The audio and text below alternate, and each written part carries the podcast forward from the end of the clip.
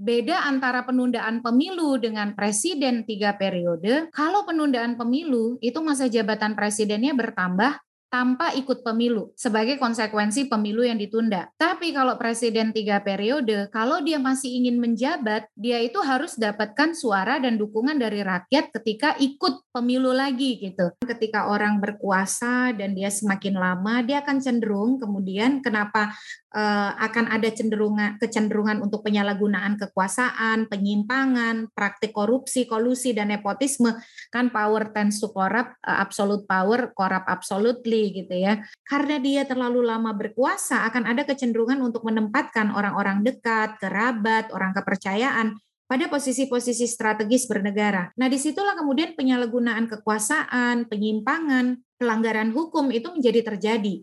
Eh, daripada kekuasaannya korup, lebih baik ya kita atur pembatasan-pembatasan yang bisa membuat kekuasaan itu tidak korup gitu Mbak.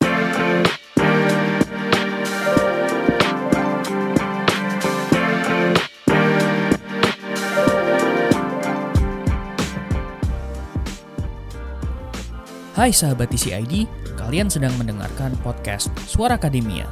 Ngobrol seru isu terkini bareng akademisi.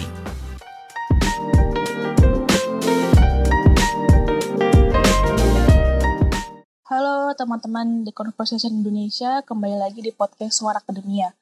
Uh, di episode kali ini kita mau ngobrol-ngobrol tentang politik, isu yang lagi hangat-hangatnya nih yaitu tentang uh, periode jabatan presiden.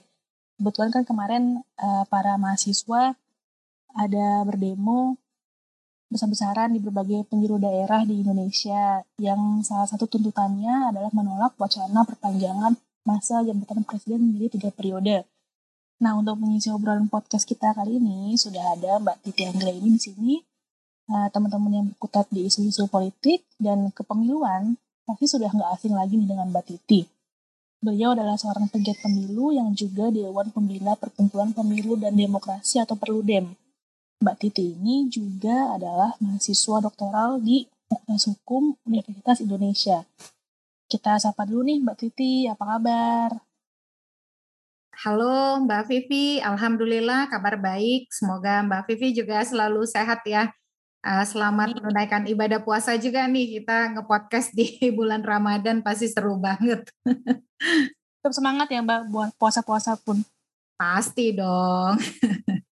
Mbak, terima kasih nih sudah sempetin datang ke sini untuk mengisi podcast kita ini.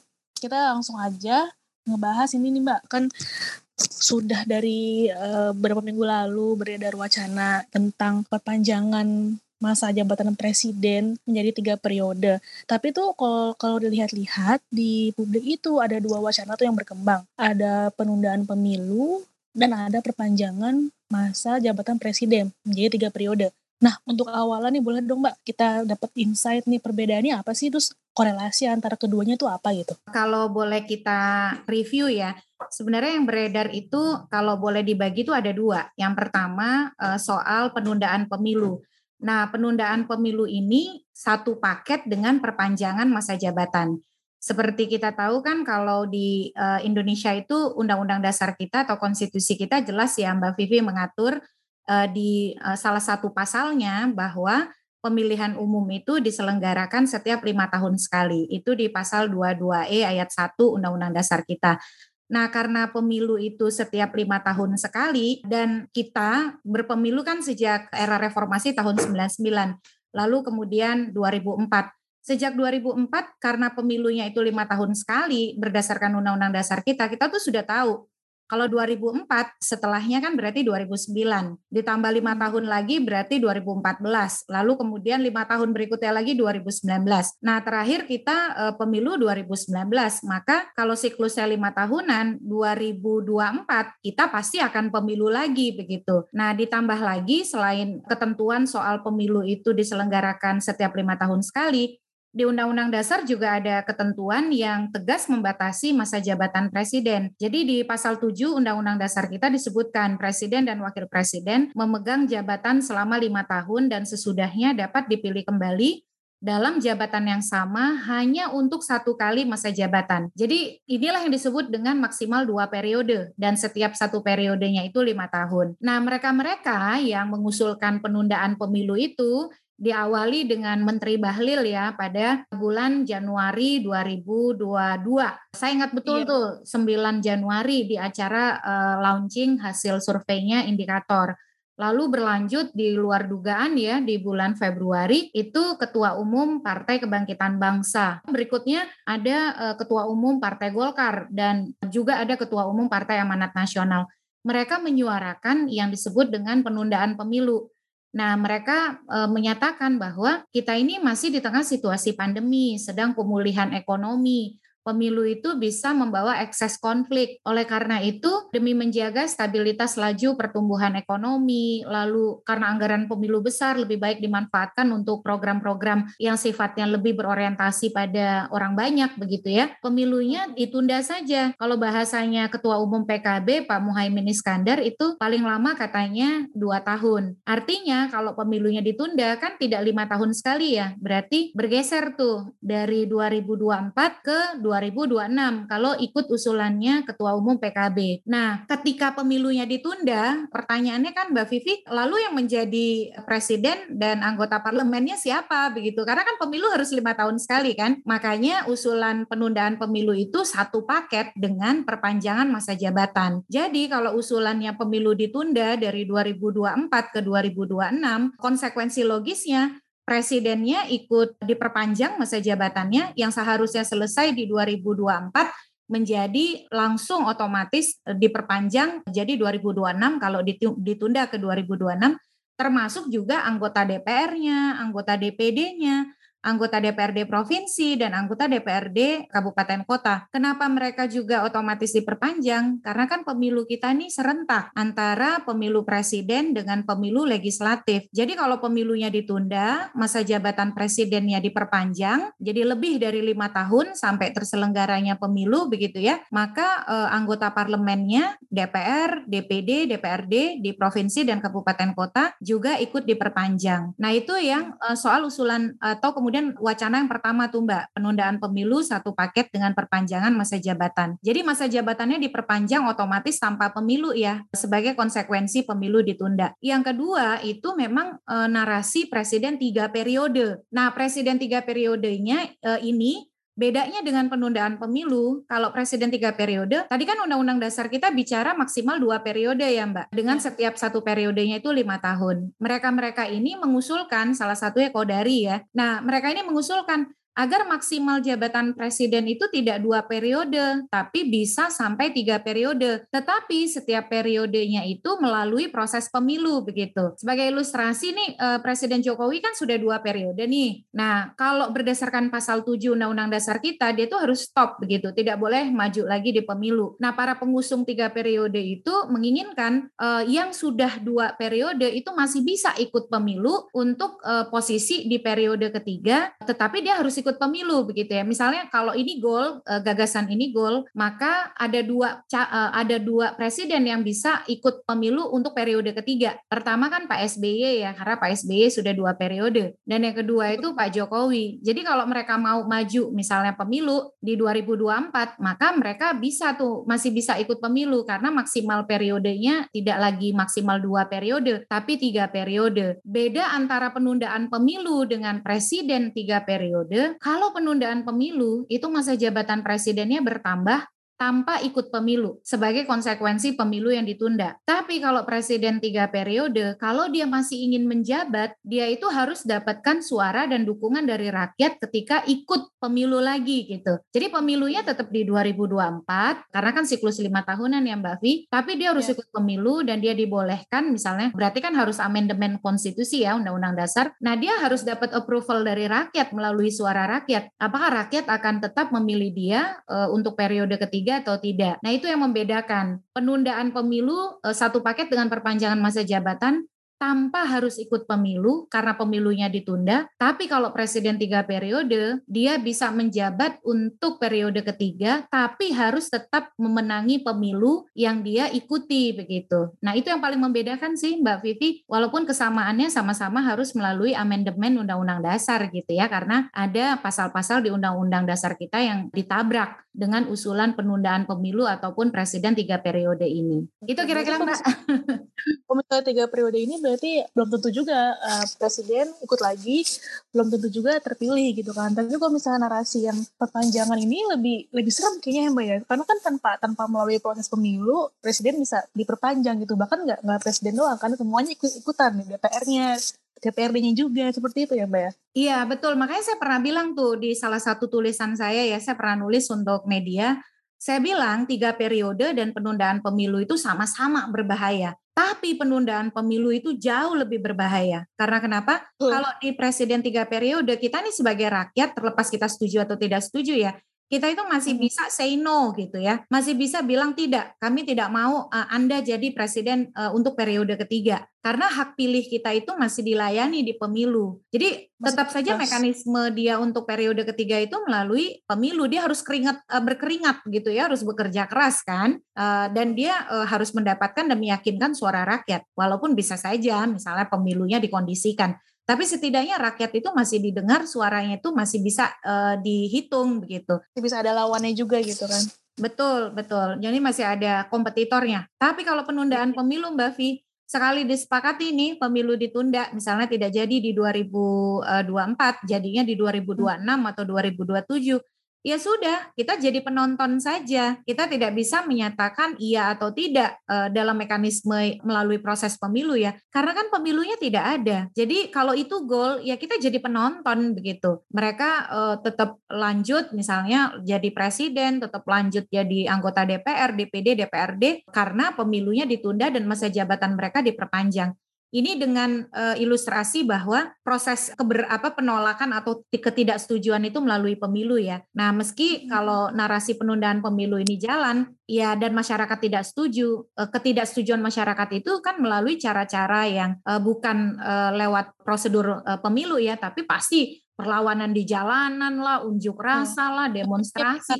Tapi Mbak, kalau kita ngomongin sejarahnya nih, kan kita kan di undang-undang jelas tuh dua periode dulu tuh kenapa sih mbak kok harus presiden harus di, dibatasi dua periode gitu? Kenapa dari dulu tuh nggak tiga periode atau lima atau mungkin satu periode aja gitu? Kalau misalnya kita ngomongin soal pembatasan gitu. Dulu sejarahnya tuh gimana ya mbak ya? Iya, uh, dulu kan di undang-undang dasar kita yang awal itu kalau kita kalau saya kan masih sempat belajar PMP ya, Pendidikan Moral Pancasila, PSPB dan lain-lain. Dulu kan undang-undang dasar kita tuh bahasanya uh, kekuasaan presiden tidak tak terbatas ya.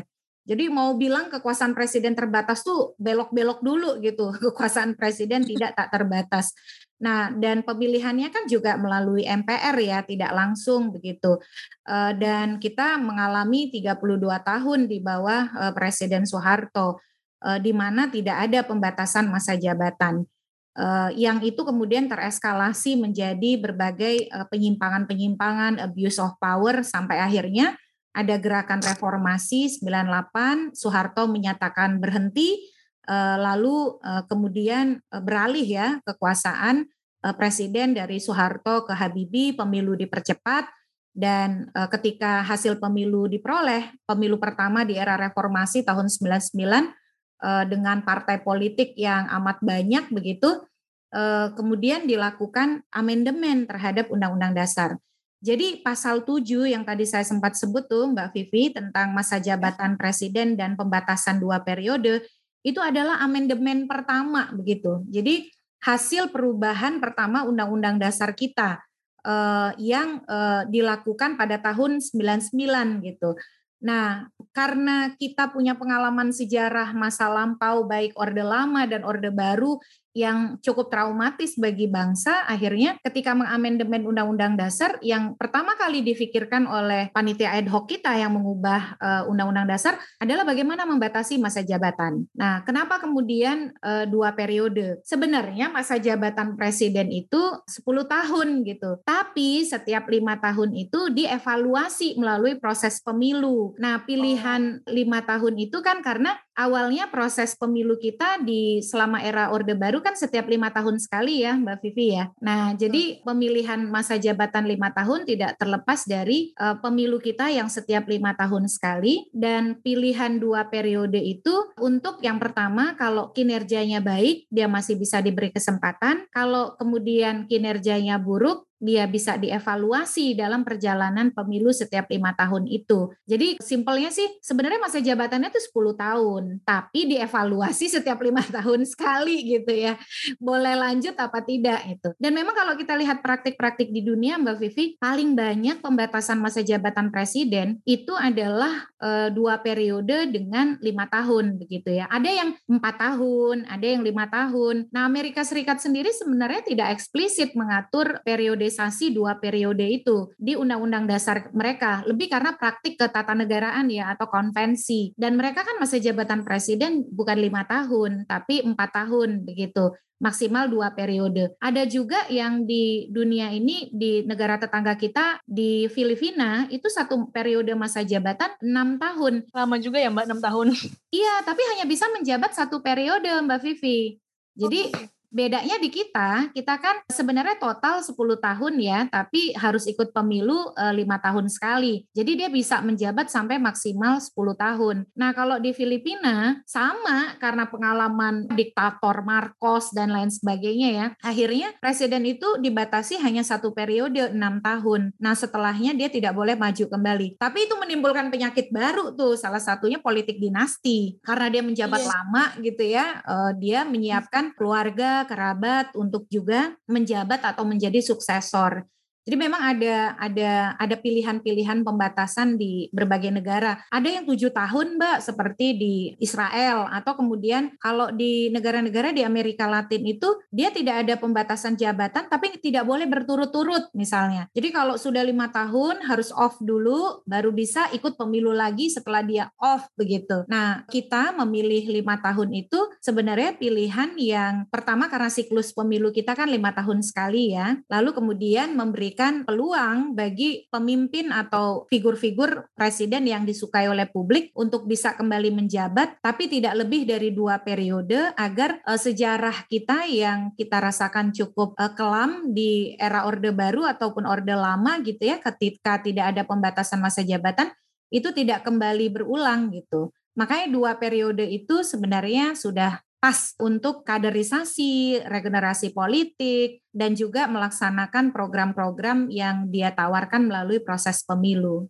Begitu kira-kira uh, ininya Mbak Vivi ceritanya. Artinya sebenarnya kalau pembatasan masa presiden inilah adalah ciri khas demok negara demokrasi gitu ya Mbak. Ya. Kayaknya negara-negara demokrasi memang semua ada pembatasan berapa periode gitu kan ya Mbak. Berarti betul. Um, uh, terutama menjadi salah satu uh, ciri dari sistem presidensial. Karena kenapa? Dalam sistem presidensial itu kan uh, presiden adalah kepala negara sekaligus kepala pemerintahan. Kalau uh, sohib saya Ferry Amsari itu sering bilang sebenarnya presiden itu dalam sistem presidensial itu seperti raja. Oleh karena itu dia harus dibatasi begitu ya, karena dia kepala pemerintahan sekaligus juga kepala negara kan. Nah, salah satu pembatasannya yang disebut dengan konsep konstitusionalisme itu adalah pembatasan masa jabatan e, melalui periodisasi dan juga melalui pemilu yang periodik ya. Kalau kita kan lima tahun sekali, uh, ditambah dengan konsep check and balances itu gitu ya. Bagaimana di antara cabang-cabang kekuasaan saling membatasi. Kalau sederhananya sih,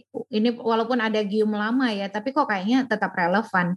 Kan power tends to corrupt, uh, absolute power corrupt absolutely gitu ya eh, daripada kekuasaannya korup, lebih baik ya kita atur pembatasan-pembatasan yang bisa membuat kekuasaan itu tidak korup gitu, Mbak. Kalau selain alasan korup itu Mbak, kalau misalnya kita tidak membatasi presiden nih dia bisa lanjut terus gitu. Itu konsekuensinya apa lagi sih? Akan kembali ke masa otoriter orde baru, lalu korupsi yang berkembang, terus apa lagi? Tapi kan kalau menurut aku ya aku baca-baca ya, karena waktu masa orde baru kan aku juga masih kecil gitu kan. Nah, kayak itu bukannya zaman-zaman uh, orde baru tuh menurut yang aku baca itu semua tuh stabil gitu karena presidennya itu juga kan nggak ganti-ganti. Nah, itu gimana sih Mbak? Ya, kalau stabilitas itu kan sebenarnya di fase-fase awal ya. Ketika fase-fase awal itu uh, memang uh, apa kepemimpinan uh, relatif stabil, tapi Kemudian ketika orang berkuasa dan dia semakin lama, dia akan cenderung kemudian kenapa uh, akan ada cenderungan kecenderungan untuk penyalahgunaan kekuasaan, penyimpangan, praktik korupsi, kolusi dan nepotisme. Kalau ingat lagi nih tuntutan uh, reformasi kan salah satunya adalah selain turunkan Soeharto ya, hapuskan KKN kan hapuskan korupsi, kolusi, nepotisme, lalu uh, hapuskan dui fungsi ABRI. Nah, itu salah satunya beberapa di antaranya. Kenapa kemudian hapuskan KKN, korupsi, kolusi dan nepotisme? Karena dia terlalu lama berkuasa akan ada kecenderungan untuk menempatkan orang-orang dekat, kerabat, orang kepercayaan pada posisi-posisi strategis bernegara. Akhirnya semua posisi-posisi yang harusnya memerankan fungsi kontrol itu diisi oleh orang-orang dekat, bahkan diisi oleh keluarga lalu pekerjaan-pekerjaan yang seharusnya tidak e, menyertakan konflik of interest atau benturan kepentingan itu dikerjakan oleh e, orang-orang dekat, keluarga dan lain sebagainya. Nah, di situlah kemudian penyalahgunaan kekuasaan, penyimpangan, pelanggaran hukum itu menjadi terjadi. Dia e, karena diisi oleh orang-orang dekat gitu ya, kerabat, keluarga, kontrol kan menjadi tidak berjalan, pengawasan tidak bekerja. Nah, sementara kekuasaan, ke, powernya sangat besar sebagai kepala negara dan kepala pemerintahan. Di situlah eh, praktik-praktik kemudian eh, muncul ya eh, korupsi, kolusi, nepotisme, penegakan hukum yang tumpul karena kecenderungan tadi menempatkan orang-orang dekat, mengurangi pengawasan, kemudian mentolerir misalnya praktik-praktik benturan kepentingan, akhirnya ekonomi yang sudah dibangun dengan baik, sudah kokoh, rancang bangun istilahnya yang sudah stabil itu kan berubah menjadi rapuh. Nah, kerapuhan itu bisa kita lihat Mbak Vivi kalau mungkin kita menengok sedikit ke sejarah ketika krisis moneter gitu. Saya itu SMA menamatkan SMA dan masuk e, bangku kuliah di era krisis moneter. Dari dolar yang harganya 2000 itu menjadi 15.000. Saya lulus lulus SMA tuh ketika Krismon lagi gila-gilanya gitu dan itu masuk kuliah karena saya angkatan 97. Jadi reformasi itu saya di awal-awal uh, kuliah gitu. Jadi stabilitas itu semu gitu Mbak Vivi. Semu uh, dikorbankan oleh hal-hal yang sifatnya koruptif gitu ya. Karena dia menguasai semua dan kemudian dieluk-elukan, dipuja-puja begitu ya, melemahkan kontrol. Akhirnya bukan sistem yang terbangun tapi hegemoni dan absolutisme pemusatan kekuasaan pada orang-orang, bukan pada sistem, bukan pada tata kelola pemerintahan yang baik. Nah, itu yang paling bahaya sebenarnya. Bahaya berikutnya adalah tadi ya karena dia e, melemahkan kontrol begitu karena pengisian e, posisi-posisi strategis oleh orang-orang dekat. Yang kedua juga melemahkan regenerasi dan kaderisasi politik. Indonesia ini kayaknya agak keterlaluan ya kita kalau Indonesia dengan populasi 270 juta lebih Gen Z-nya aja tuh mayoritas kan uh, milenialnya juga kalau ditambah milenial dan Gen Z-nya itu mayoritas tuh komposisi populasinya. Terus kita mau menggantungkan hanya pada orang yang itu-itu saja gitu. Jangan-jangan bukan jangan-jangan pasti gitu ya. Uh, selalu ada uh, orang-orang yang punya dedikasi, komitmen dan juga loyalitas uh, tinggi yang terbaik untuk Indonesia yang mau siap mengabdi gitu.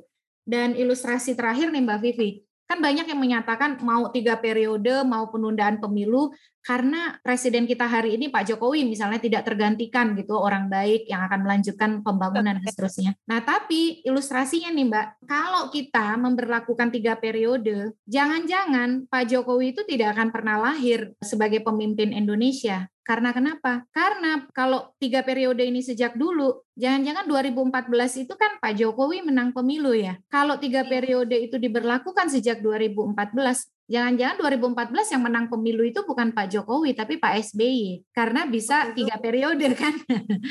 Jadi itu loh hikmahnya gitu. Karena kita nih konsisten sejak amandemen Undang-Undang Dasar, sejak kita memperlakukan uh, pilpres langsung, menerapkan dua periode, maka figur-figur terbaik itu selalu punya peluang untuk muncul. Setelah Pak SBY mengabdi dua periode, lahirlah Pak Jokowi mengabdi dua periode. Nah setelah dua periode, insya Allah akan ada lahir SBY yang lain, Jokowi yang lain, yang uh, akan sesuai dengan kebutuhan uh, untuk menjawab tantangan zaman gitu. Kira-kira begitu ilustrasinya Mbak Vivi. ya, ya, itu itu beneran loh banyak juga tuh teman juga publik media, di media sosial yang berpendapat demikian Mbak bahwa kayak kok presiden mesti tiga periode, emang gak ada kandidat lain yang kompeten untuk memimpin negara. Kita seakan kayak hanya rely on satu tokoh, padahal sebenarnya banyak tokoh-tokoh lain yang mungkin dari daerah-daerah daerah juga yang ya kalau kita sebutin ya ada beberapa lah yang sudah muncul di publik ya mbak ya yang mungkin kompeten juga gitu. Seakan kita menegasikan kehadiran mereka gitu nggak sih Mbak? Uh, iya, betul sekali. Karena kalau kita lihat nih ya perjalanan contoh nih Presiden Jokowi saja. Presiden Jokowi itu kan berangkat dari kepemimpinan lokal ya, Solo, lalu kemudian menjadi Gubernur DKI Jakarta dan uh, promosi ke kepemimpinan nasional ke politik nasional menjadi presiden. Dan pilkada itu kan salah satu proses rekrutmen politik ya. Dan kalau kita lihat beberapa misalnya survei menempatkan uh, sejumlah kepala daerah yang juga masih hitungan muda sebagai kepala negara eh, kepala daerah dengan potensi untuk mencapres gitu. Tambah lagi ada nama-nama perempuan apa yang juga masuk bursa begitu. Bayangkan dong Mbak Vivi ya, istilahnya gairah politik kita itu cukup tinggi, cukup dinamis dengan promosi politisi, kader-kader apa politik baik dari daerah melalui uh, kepala daerah kepala daerah ataupun uh, pimpinan-pimpinan partai politik, pemimpin-pemimpin lembaga tinggi negara yang ada saat ini gitu. Masa kemudian kita menganggap mereka tidak patut dan tidak layak begitu ya untuk maju pilpres gitu. Oh enggak ada sama sekali nih yang lain gitu kan kayaknya. Iya, apalagi kan baliho spanduknya bannernya sudah di mana-mana gitu iya, ya. Bener. Gimana sih kan udah ada spanduknya, kok malah yang itu-itu lagi yang maju gitu. Iya, dan kok mau nunda pemilu gitu ya, padahal investasi politiknya sudah jalan. Kalau saya sih percaya ya, semua dari kita ingin berbuat terbaik untuk Indonesia. Kalau memang kita menganggap eh, program-program presiden yang saat ini program-program unggul, program-program baik yang disukai oleh rakyat, itu pasti kan akan eh, menjadi selling point istilahnya bagi kandidat-kandidat yang lain yang akan maju di pemilu mendatang setelah dua periode misalnya Pak Jokowi tidak bisa, mereka pasti akan melanjutkan dan menawarkan hal yang sama baiknya gitu ya. Karena publik merasakan manfaatnya dan publik menginginkan manfaat yang baik itu untuk tetap berlanjut. Jadi saya kira terlalu undermine ya atau meremehkan pemilih kita kalau menganggap pemilih kita itu tidak mau pemimpin yang baik begitu. Dan kalau memang program-program yang ada sekarang ini sangat baik, justru menjadi tantangan untuk melembagakannya dalam program yang berkelanjutan dan membangun dialog dengan partai ataupun pemimpin yang akan datang untuk meneruskan gitu pasti sesuatu yang baik akan disukai juga oleh publik, akan disukai oleh pemilih. Dan sesuatu yang disukai oleh pemilih pasti akan juga dijual tanda kutip ya oleh kandidat kan gitu. Tapi ini jadi ini juga sih Mbak ada untuk partai politik juga. Kan bagaimanapun juga narasi ini kan berkembang dari petinggi-petinggi parpol gitu. Sedangkan di parpol itu kan kita ada yang namanya kaderisasi ya. Biasanya kan yang maju-maju untuk capres, untuk pimpinan DPR itu kan istilahnya tokoh-tokoh sentral dari parpol itu gitu kan. Nah kalau misalnya misalnya uh, pemimpinnya itu lagi itu lagi kan bukannya artinya parpol itu sendiri yang uh, menunjukkan bahwa tidak ada kaderisasi yang berjalan di parpol. Sehingga kan mereka gagal menciptakan figur-figur baru gitu mbak. Gitu nggak sih mbak melihatnya? Setuju banget. Jadi kalau ada uh, pertama gini kan gagasan soal penundaan pemilu aja tuh sudah antitesis ya, udah istilahnya itu anomali. Karena ketika menggunakan uh, penundaan pemilu uh, karena alasan masih dalam situasi pandemi, kok kayaknya bikin malu kita banget ya karena Indonesia itu kan pernah menyelenggarakan pilkada yang diklaim oleh pemerintah dan partai sebagai pilkada yang sukses di tengah situasi pandemi kan gitu. Pas lagi pandeminya tuh masih uh, istilahnya kondisinya masih lumayan banyak gitu kasusnya kan iya. yang pas pilkada. Betul lagi tinggi-tinggi ya Mbak itu kan menjelang varian Delta tuh kan uh, Desember, Januari, Februari dan kita diserang Delta kan mulai Maret April ya. Nah, yang kedua soal yes. untuk menjaga laju pertumbuhan ekonomi. Justru narasi penundaan itu bikin situasi politik tidak stabil kan. Investor tuh istilahnya memang di mana pun di negara negara lain di dunia yang di tahun-tahun pemilu itu investor ada kecenderungan wait and see. Itu tuh di mana-mana gitu ya. Tapi justru pemilu yang terjadwal dengan pasti itu menjaga stabilitas ekonomi dan politik karena semua orang tuh sudah tahu tahun 2024 tuh akan pemilu. Ketimbang pemilunya tidak pasti ditunda-tunda dan ditundanya itu bisa ditunda lagi. Nah, justru kan investor ataupun kelompok bisnis akan bertanya, ini kapan kita uh, pastinya nih melalui proses politik gitu ya atau elektoral. Justru itu yang sesuatu yang sebenarnya tuh kurang logis ya bagi kami e, menggunakan alasan ekonomi untuk menunda pemilu dengan alasan stabilitas. Padahal penundaan itu sendiri menciptakan instabilitas. Nah yang kedua soal gagasan tiga periode. Benar sekali ya, harusnya kalau ada politisi yang menyuarakan tiga periode, kok seolah tidak percaya pada kaderisasi dan regenerasi di partai. Kalau kita lihat kita jalan ke mana begitu ya, itu baliho, spanduk di mana-mana banyak figur-figur yang uh, ingin mempromosikan dirinya untuk menjadi presiden dan wakil presiden Indonesia ke depan. Masalah kemudian ada keraguan pada uh, visi, misi, program uh, dan juga komitmen mereka dalam membangun kan itu yang harus diuji oleh partai-partai kan. Kalau partai tahu nih misalnya contoh Presiden Jokowi itu program programnya oke, okay, visinya oke. Okay. Kenapa tidak diadopsi dan kemudian dibangun posisi tawar dengan para calon yang mau mereka usung atau dengan kader-kader yang mau mereka bawa gitu. Kan bisa begitu ya pendekatannya begitu. Jadi bukan rely on person uh, individu yang yang uh, justru kemudian menghambat regenerasi politik dan kaderisasi politik kita. Karena kecenderungannya Mbak kekuasaan itu memabukkan, bikin mabuk ya seperti Lord Acton bilang kan, power tend to corrupt, uh, absolute power corrupt absolutely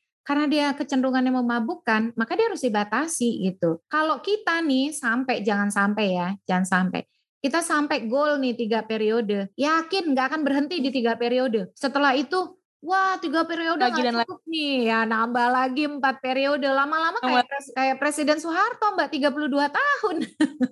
Tapi kan prosesnya bakal lama juga dong, mbak kan harus mengubah konstitusi gitu kan. Nah, harusnya nggak bisa dengan cepat langsung bisa berapa periode semaunya sendiri kan harusnya nggak bisa kayak gitu dong.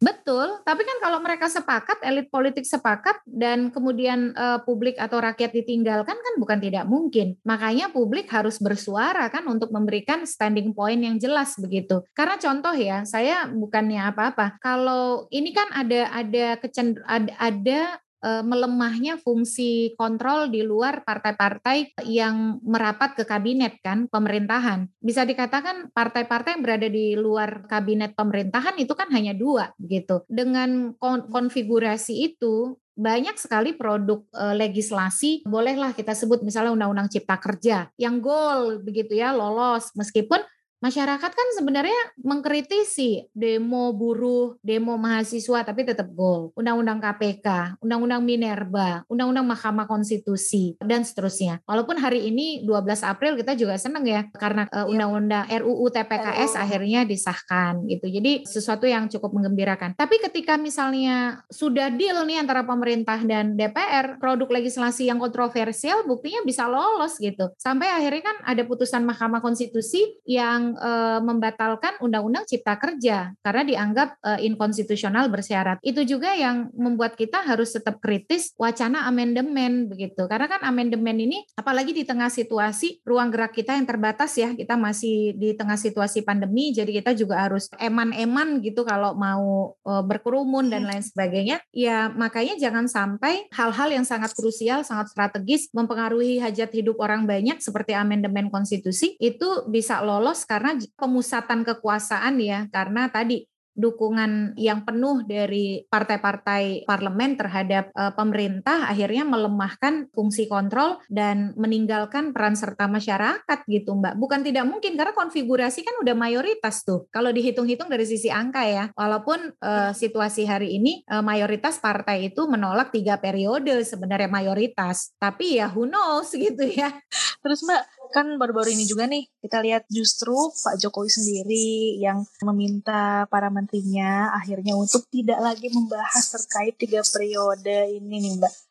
Artinya kan sebenarnya seakan presiden tuh nggak mau. Jadi yang ini tuh yang mau tuh cuma partai-partai politiknya aja gitu. Mbak ya itu gimana sih uh, dengan statement Pak Jokowi itu? Apakah emang benar-benar oh Pak Jokowinya aja nggak mau? Atau sebenarnya cuma gimmick aja sih dari presiden gitu? Terus terang uh, saya uh, senang ya akhirnya pernyataan terbuka itu keluar dari presiden soal ketidaksetujuan pada penundaan pemilu, perpanjangan masa jabatan dan juga presiden tiga periode. Tapi saya sangat sangat menyayangkan pernyataan tersebut terlambat keluar begitu ya. Kalau kita agak setback nih ke belakang, narasi tiga periode itu kan sejak 2019 dan e, di sana presiden menyatakan tegas yang ngomong tiga periode itu pertama ingin menampar muka saya, kedua cari muka, yang ketiga ingin menjerumuskan saya. Lalu kemudian di pertengahan du, e, 2021 Agustusan itu muncul tuh eh, narasi-narasi soal penundaan pemilu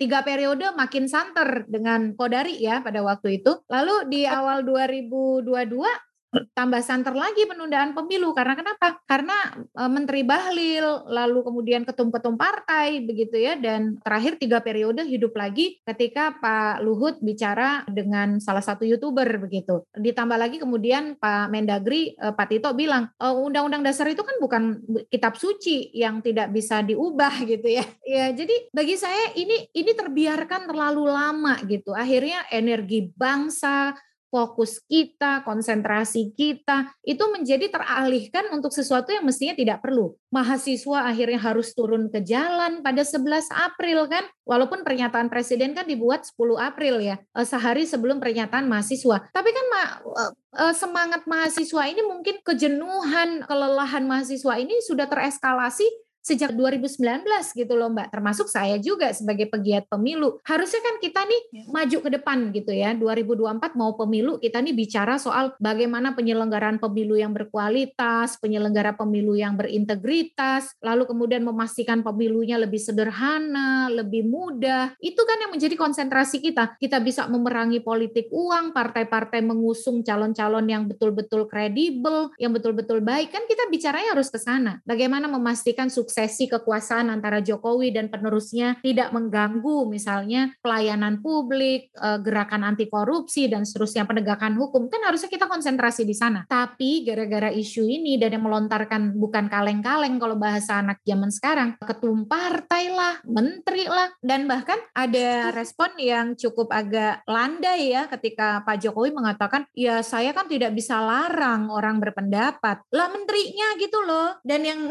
menjadi pendapat sifatnya itu kan sesuatu yang bertentangan dengan undang-undang dasar gitu kan dan bahasa yang agak yeah. dibaca ambigu gitu patuh taat pada konstitusi lah kalau konstitusinya diubah gimana? Nah, jadi satu ya untuk merefleksikan apa yang saya rasakan, satu sisi saya senang gitu ya, akhirnya saya bisa menggunakan pernyataan itu untuk uh, meminta orang-orang yang selama ini bicara penundaan pemilu dan presiden tiga periode untuk diam, apalagi kalau dia bagian dari pemerintah. Tapi yang kedua ya menyayangkan dan sangat prihatin bahwa ini harus terbiarkan sekian lama dan karena pembiaran yang sangat lama ini kita harus membayar mahal kan, e, misalnya misalnya kita menyayangkan uh, aksi disusupi dan kemudian ada korban gitu ya, ada tindak kekerasan yang terjadi, itu kan tidak lepas dari eskalasi situasi yang uh, berlarut-larut terlalu lama gitu. Dan ini menjadi pembelajaran betul. Dan dampaknya pada Presiden Jokowi juga cukup dirasakan ketika uh, approval ratingnya atau penilaian kinerjanya kan menurun ya di survei-survei terakhir ketika santer isu uh, penundaan pemilu dan presiden tiga periode gitu. Kira-kira sih begitu ya Mbak kalau saya. Tapi kalau saya sih tetap harus waspada, tetap harus kritis kita tetap harus ngawal pemilu 2024 sampai benar-benar hari H itu terlaksana, pungut hitung itu terselenggara, sampai ada pengumuman hasil pemilu, sampai ada pelantikan calon terpilih. Karena mengingat dinamika e, pemilu dan demokrasi politik kita yang sangat dinamis, saya kira kita tidak bisa sepenuhnya e, mempercayai ya tanpa kemudian mengawal e, realisasi dari apa yang jadi e, dinarasikan sebagai komitmen mereka itu, Mbak. Oke, Mbak Titi, sebenarnya ada beberapa lagi sih mau tanyain tadi aku lupa nanya tuh Mbak. Jadi, kan tadi Mbak Ida sempat nyebut negara-negara yang juga membatasi periode masa jabatan presidennya gitu. Itu kalau tidak ada yang ini ya Mbak, negara demokrasi yang seumur hidup gitu presidennya tuh nggak ada ya? Cara sistem kenegaraan. Belum pernah ada contohnya ya mbak? Iya negara kerajaan yang ada mbak. Di ada satu studi di negara eh, negara-negara Afrika. Ternyata studi yang saya baca nih soal presidential term limit ya kalau semakin lama presiden itu duduk dalam kekuasaannya atau kecenderungan tanpa pembatasan, ternyata ada korelasinya dengan penurunan tingkat kebebasan dan juga terhadap kebebasan press freedom, kebebasan pers, kebebasan sipil dan pelayanan publik itu ada pengaruhnya tuh Mbak. Tidak tidak serta merta membuat masyarakat sejahtera juga ya Mbak kalau masa jadi masa jabatan presidennya panjang. Betul betul ya karena memang ada kecenderungannya untuk menjadi lebih otoritarian ya melemahkan apa kontrol dan lain sebagainya. Ya satu dua e, mestinya ada ya tapi saya harus cek lagi yang tapi memang kebanyakan ya yang tidak membatasi e, itu adalah negara-negara kerajaan. Salah satu ciri khas sistem presidensial dengan sistem demokrasi ya pembatasan masa jabatan. Itulah yang disebut dengan konstitusionalisme berdemokrasi kan mbak? Betul. Mbak Titi, uh, terima kasih banyak sudah ngasih pencerahan sama kita kita para anak muda, si anak muda. Makasih banget. Jadi seperti yang Mbak Yati bilang bahwa memang masa jabatan itu, masa pembatasan masa jabatan presiden adalah salah satu ciri khas negara demokrasi yang juga diadopsi oleh negara-negara demokrasi lain. Dan kenapa kita harus tetap berpegang teguh pada pembatasan itu karena jika kita memberikan kesempatan yang lebih lagi, lebih panjang lagi, pemerintah atau tokoh tertentu untuk pemerintah besar potensinya untuk terjadinya abuse of power dan uh, meningkatnya angka korupsi. Nah, terima kasih untuk uh, Mbak Titi dan terima kasih juga untuk teman-teman uh, pembaca TCID.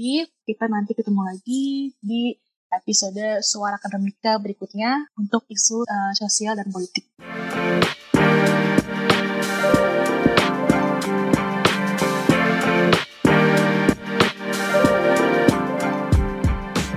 Kalian telah mendengarkan podcast Suara Akademia, ngobrol seru isu terkini bareng akademisi.